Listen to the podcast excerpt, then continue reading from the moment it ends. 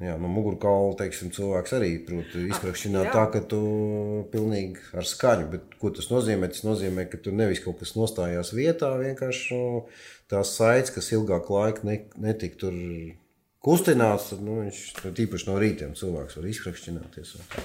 Tā kā faktiski tā krakšķēšana nav tāda patoloģija. Bet, ja tai krakšķēšanai līdzi nāk arī sāpes vai diskomforts, nu, tad tas tiešām ir nu, vērts tam, lai pievērstu uzmanību.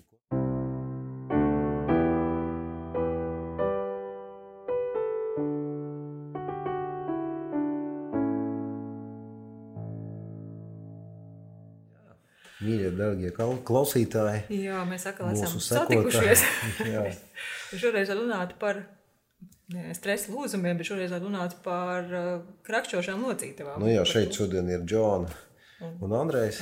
Jā, Trumps ortopēds, kurš tomēr orientēšanās šajā situācijā.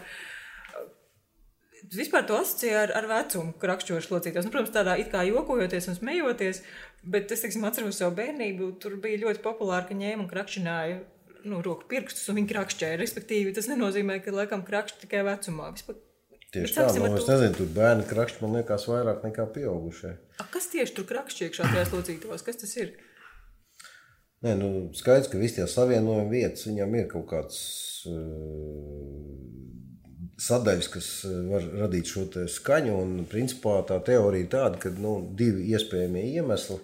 Man liekas, simtiem reižu visādos uh, veselības žurnālos šis jautājums tika cilāts. Nu, viņš ir joprojām aktuāls, cik es saprotu, jo joprojām tie cilvēki arī nāk ar sūdzībām par to, ka man krakšķis locītavs. Tad, tad, nu, es pat teiktu tā, ka ir divi iemesli tādai krakšķēšanai, kurai principā var nepievērst uzmanību. Nu, viņi vienkārši ir un visi ar to Jā. jāsamierinās.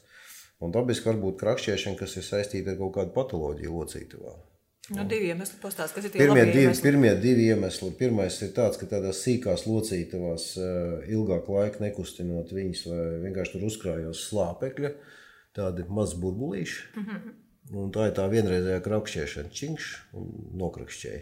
Jā, tāpēc tas pārplīs, jā, nu tad pirksts, jā, no tā, tā viens no variantiem. Un otrs variants ir, kad reiz visām tām locītavām, tiem locītavi divu kālu savienojumu vietu. Un tad apkārt tur nāk diezgan daudz dažādas saites, locītavas kapsulas, cīpslas, teiksim, ceļu locītaviem milz, nu, lērums ar ar cīpslām iet apkārt locītavai. Un katra no tām struktūrām teorētiski varētu radīt šo skaņu, pārlicot pāri kaut kādam kaulu izcilnītam vai nezinu, tur. Uh, rīvējoties, bet gar, gar pret otru cīpslu, kas ir blakus, nu, Jā. dažādi varianti ir. Ja? Tad, tad daudz visādi iekšā locītavās tādas sinoviālās krokas ir, kas arī faktiski var radīt gan krakšķēšanu, gan tādu mehānisku raksturu uh, sajūta, ka tev kaut kas pārlec locītavā. Tas absolūti nenozīmē, ka tā ir patoloģija. Tas ir vienkārši tāds stāvoklis locītavai, kas, nu, ja viņš nerada tādu nu, sāpju un diskomfortu locītavā, tad es domāju, ka tam īpaši par to uztraukties nevajag. Kāpēc jūs sakat, ka bērniem pat vēl biežāk? Nu, tāpēc, ka viņiem redz, tiešām visi tie audi vēl tādi diezgan intensīvi veidojās aug, un viņš tiešām tās locītos mainās attiecīgi arī bērniem tās, tās, tās skaņas un tie audi ir daudz elastīgāki. Viņi var arī radīt šīs skaņas. Nu, man bērnam ir tā, ka viņš, nu, viņš var krakšķināt absolūti jebkuru locīto. Un pats priecāties, jā. Jā, no mugurkaula teiksim, cilvēks arī prot izkrakšķināt tā, ka tu pilnīgi ar skaņu. Bet, ko tas nozīmē? Tas nozīmē, ka tur nevis kaut kas nostājās vietā, vienkārši nu, tās saites, kas ilgāk laika ne, netika tur kustināts, tad nu, viņš tīpaši no rītiem cilvēks var izkrakšķināties. Tā kā faktiski tā krakšķēšana nav tāda patoloģija. Bet, ja tai krakšķēšanai līdzi nāk arī sāpes vai diskomforts, nu, tad tas tiešām ir. Uh, nu, vērts tam, lai pievērstu uzmanību. Ko? Kas, kas par ko tas varētu liecināt? Nu, Respektīvi, variantu varētu būt ļoti daudz un dažādi. Labs piemērs ir, teiksim, celis. Jā, ceļu locītavā tas var būt menisks bojāts, kas rada krepitāciju vai kaut kādu no nu, skaņu. Tas var būt skrimšļa bojājumi, vienkārši locītavām kļūstot nelīdzenām. Tās virsmas viena gar otru kustoties rada šo te gurkstošu sajūtu vai skaņu cilvēkam. Nu, mhm. teiksim, diezgan regulāri nāk cilvēks, saka, es eju pa kāpnēm lejā, vai man cilvēki visi apkārt vienkārši pagriežas un skatās, un man tik traki skrakšķi.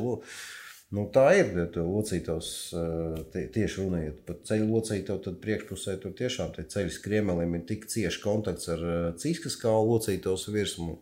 Un, ja tās virsmas ir nelīdzenas, viņas var radīt diezgan tādu, nu, tā kā smilšu papīrs pret smilšu papīru. Un, ja tas ir ar sāpēm, tad tā ir patoloģija. Ja tās sāpes nav, nu, jā, nu, droši vien tā problēma ir, bet viņi nav tik aktuāli, nu, nekairina cilvēkam, nu, ne, nebojā dzīvi tik tālu. Ka...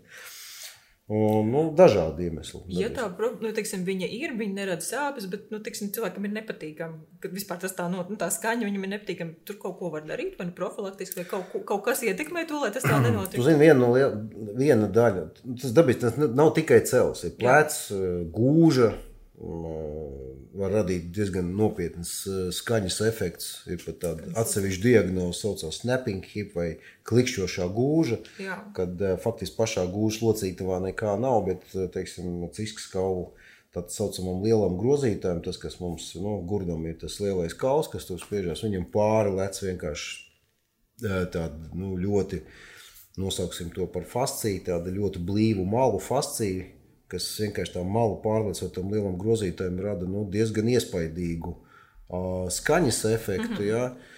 Uh, tas arī teiksim, vairāk ne tikai kā skaņa, bet jau drīzāk kā sajūta traucē cilvēkam. Nu, redz, ko mēs šajā situācijā varam darīt?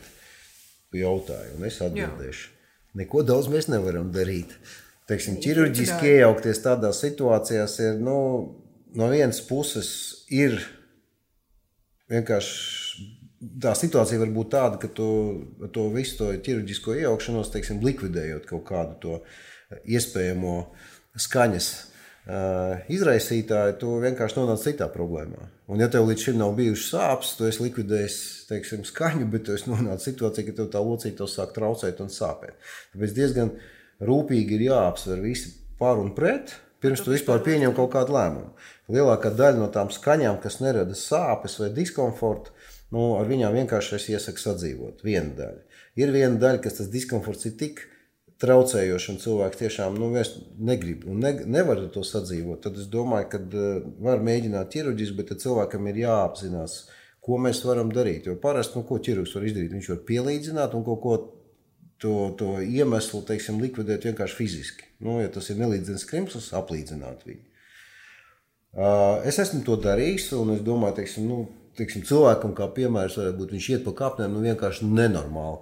Vienkārši krepitē, krašs tā, ka nu, pirmkārt nepatīkam, apkārtēji dzird, viņš pats nu, vienkārši nevar to. Nu, tad pielīdzinot dabiski, uh, tu nevari pilnīgi likvidēt to skaņu, un, uh, bet tu vari mainīt tonalitāti vai, teiksim, to sajūtu mazināt. Nu, tas savā ziņā ir rezultāts, uzskatu. Ja? To, ka tas atkal var atjaunoties ar laiku, tas arī ir fakts. Plecam, teiksim, arī ļoti daudz ir krakšķi, krakšķēšana, bet tā ir arī saistīta ar visādu rētaudu veidošanās, dažādās gļotisomiņās un tā tālāk. Tā arī nav tāda patoloģija, no kuras ir jāuztraucās un jābaidās. Dabiski arī pleca locīta vai dilstot, arī tad var radīties visādas skaņas. Un tad ir bieži vien, ka tev sākotnēji ar to visu jāsadzīvo ar laiku, ja tā ir nodilusi locīta, tad dabiski iespējams, ka viņi ir jāmaina. Varbūt arī nē, ja runiet par plecu. Daudz lietas ir atrisināmas ar fizioterapiju. Teiksim, sabalansējot muskuļus, ja iemesls tai skaņai bija kaut kādas cīpslas, kas pārlec kaut kādiem izaugumiem vai vēl kaut kur, tad, tad, tad tas var pazust.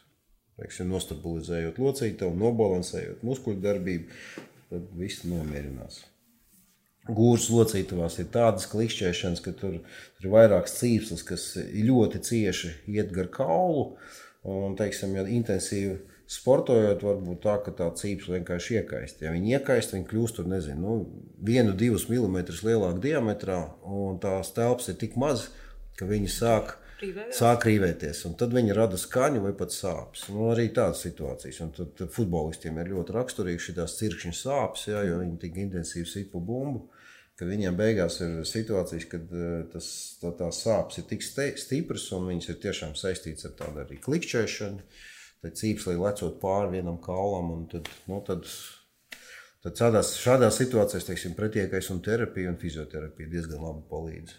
Nu, kaut kādās super ekstremālās situācijās nu, to cīpslu atbrīvot vai, teiksim, nu, nezinu, dažādi varianti, ķirurģiski. Tu kā pieskāries tai otrajai tēmai, bet tu, tu, tur, kur ir sāpes, tur, kur, teiksim, ir tā menisks ir bojāts, vai tu teici, vai ir kaut kāds nodilums, Jā. un sāpes ir ar to saistītas. Jā, Tad menisks var radīt krakšķēšanu, var neradīt krakšķēšanu. Jā. Viss atkarīgs no tā, kā viņš ir pārplīs. Viņš var krakšķēt tikai pie noteiktas kustības, teiksim, dziļi pietupjoties un ceļoties kājās.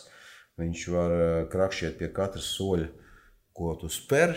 Tu vari vispār nekrakšķēt, tikpat labi arī meniska vietā var krakšķēt, nezinu, tur padilas skrimslis vai kāds. Nu, viss ir atkarīgs no tā, kas tur varbūt brīvs ķermenis locītavā arī, kas var radīt krakšķēšanu periodiski.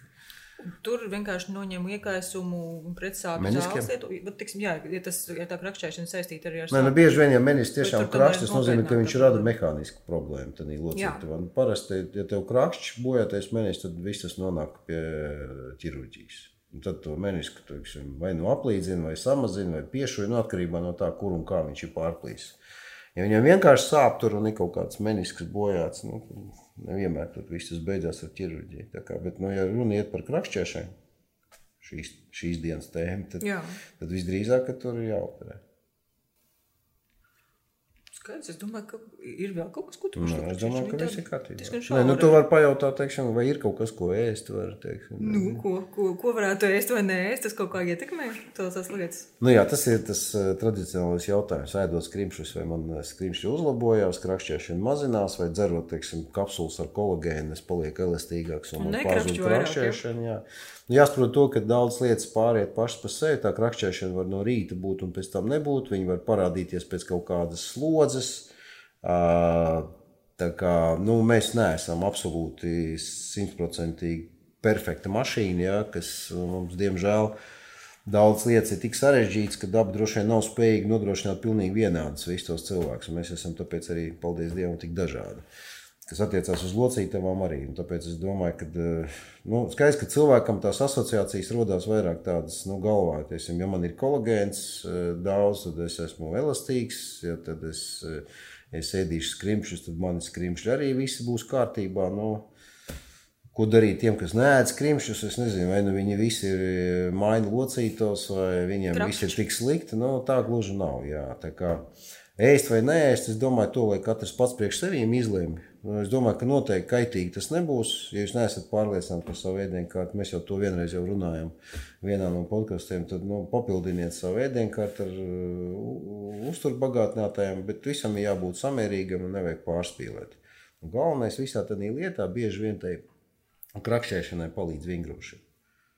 Nu, kārtējo reizi mēs nonākam pie tā paša. Jā, Pat ja tā ir vienkārši tāda nepatīkama skaņa, arī tad palīdz vingrot. Nu, jā, nu, jā, nu, man teiksim, pašam ir tā, ka tu taisi vienu konkrētu vingrinājumu, tev vienmēr krakšķis Mhm. cēlas vai plecs. Nu, es no tā netieku vaļā, tāpēc, ka man vienkārši tā viena kaut kāda cīpsla vai kaut kāda saite ir biezāka nekā otra. Otrai kājai, tur man vienmēr ir krakšķis. Nu, bet, tas, ja tas krakšķis nav sāpīgs, tas nozīmē, ka tu neko nepareizi nedari. Tu visu dari pareizi un vienkārši jāturpina. Bet, Teiksim, ja tu ieti fizioterapijā konkrēti ar šo problēmu, tad kaut ko pamainot. Nu, daudz es neko tur nemainītu. Es domāju, Bet es ietu uz fizioterapiju, bet- tad, kad viņš man sāpētu. jā. Nu, jā. bet, bet iet tikai tāpēc, ka tev tur Krakšķi. Vienreiz dienā iekrakšķās no rīta, vai nu, es domāju, ka tam nav nekāda jēga. Absolūti. Bet teorētiski šādā veidā to var koriģēt. Arī, ja nekas Var mēģināt, jā, nu tad ir tiešām kaut kāda advancēta fizioterapija ar kaut kādiem sarežģītiem vingrinājumiem, pirms tam izpētot kārtīgi, cik lielā mērā tev tie muskuļi ir sabalansēti. Varbūt tiešām tev ir tā, ka tev iztrūkst absolūti viena muskuļu grupa, un tu visu laiku kaut kādu kustību kompensē uz citas muskuļu grupas rēķina, tā visu laiku tiek pārslogot, un tad tās muskuļu cīpslas visu laiku ir biezākas nekā viņam vajag. Un tad sabalansējot to darbību, tu atkal var visu atgriezt normālā stāvoklī. Nu, tā tas mēdz būt. Jā. Nu, ko? Labi? Paldies, liels Paldies visiem par uzmanību. Liekiet laikus un uh, Šērojiet! šērojiet un. Dalieties. Tas ir pareizi. Jā.